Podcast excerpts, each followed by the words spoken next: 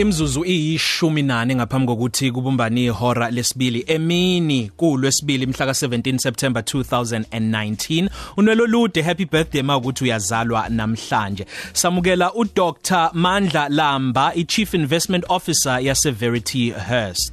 Dr Lamba siyakwamukela Ngiyabonga kakhulu mfethu kunjani? Siyaphila. Good. Eh ngalezi ikhathi kakhulukazi kumabona kude siyaye sibone kuthiwa kukhulunywa ngezomnotho kuthiwa ake siye kwi JSE simbone lo ikakhulukazi eh, webala echaza ukuthi kwi JSE namhlanje eh, inkampani ukuthi idayise istock esingaka yazuza okungaka noma istock esingaka sesibiza imali engaka.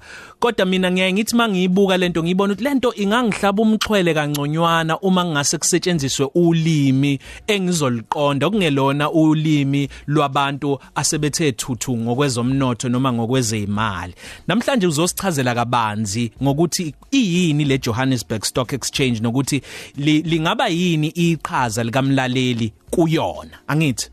Oyebo impela. Mm. Ngabe ngabe yini ke mhlawumbe ukuphinda usichazele lokho.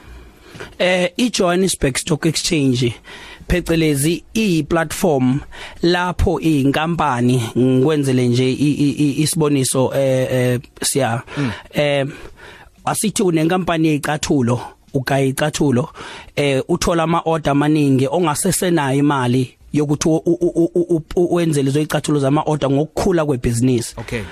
Uyasuka ke lapho. If imali oyenza bathi 10 over ngonyaka iu20 million uyakhona ukuqualifya noma umuntu omnyama ukuthatha icompany yakho uye JSE uyo raise imali ngokudayisa ingxenye yenkampani yakho to the general public ku platform ka JSE bese ukhuli uthola le mali edingwa inkampani yakho mhlambe sithi une 5 year uh, strategic plan ye business ukuthi ufuna ukuthi liyele imali ozoyidinga in the next 5 years. Uyahamba ke bakuhlanganise nenkampani ebizwa kuthiwa yi sponsor mangabe inkampani yakho izolista ku main board bakuhlanganisa ne designated advisor. Uma inkampani yakho izolista ku junior exchange Altex.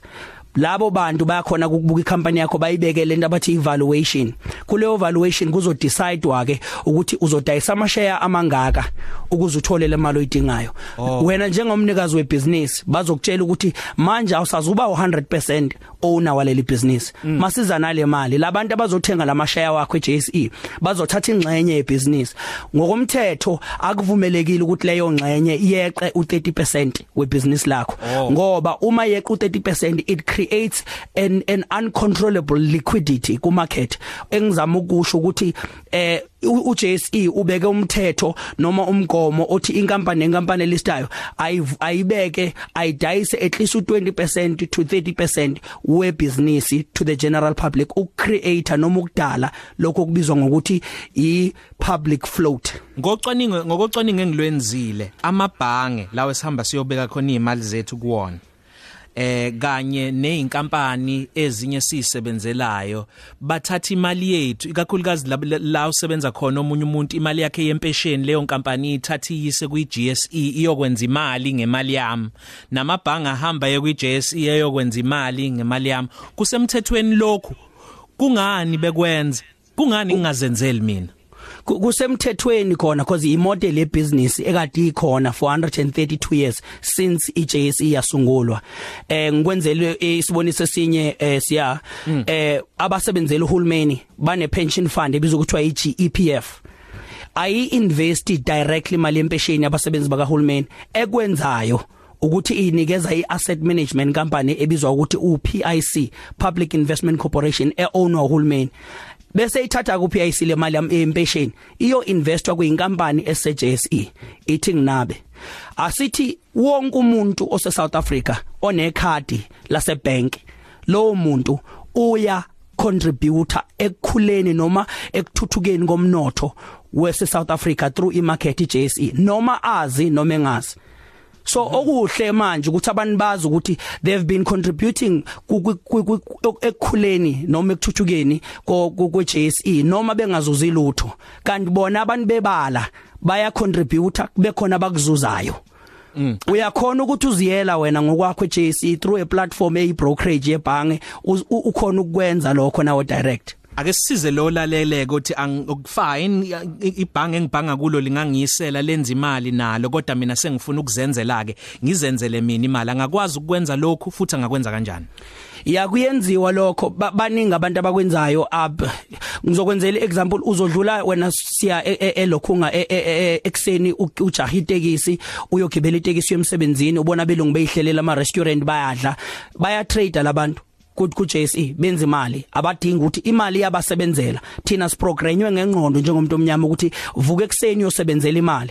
Kanti abelungu imali evuka ekseni yosebenzela bona. Ingakho bathola behlezi bengenzi lutho beyitradela mm. umuntu uyakhona ukuthi ezenzela. Kunama platform ngisho nathi lapha eVerity Hest sine training esiprovideayo ukusiza abantu ukuthi bekwazi ukuthenga bedayisa amashare ngenzuzo direct eJSE siyabafundisa kuphela basebenzisa iplatform yebhanki elithize sisebenza nalo ukuthi bekhona ukuthenga and bayayenza inzuzo.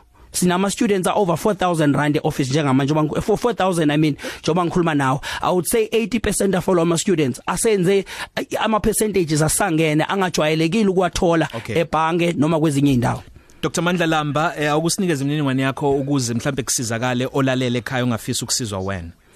Okay, uVerity has tutholakala eGoli Fourways Mall inamba ngo011 367 0636 011 367 0636 mina ngiyatholakala ku Facebook uMandla Lamba ku ku Twitter I am Lily's daddy eh ku Instagram I am Lily's dad angikhiphi ke kamakhala ekhokhweni ngibonga kakhulu. Kakhulu uyena ku Dr. Mandla Lambi Chief Investment Officer ya Severity Health ubeza sitshela ukuthi yini JSE ungasizakala kanjani? Positive Cafe. Ilunch yakho ayifani neyizolo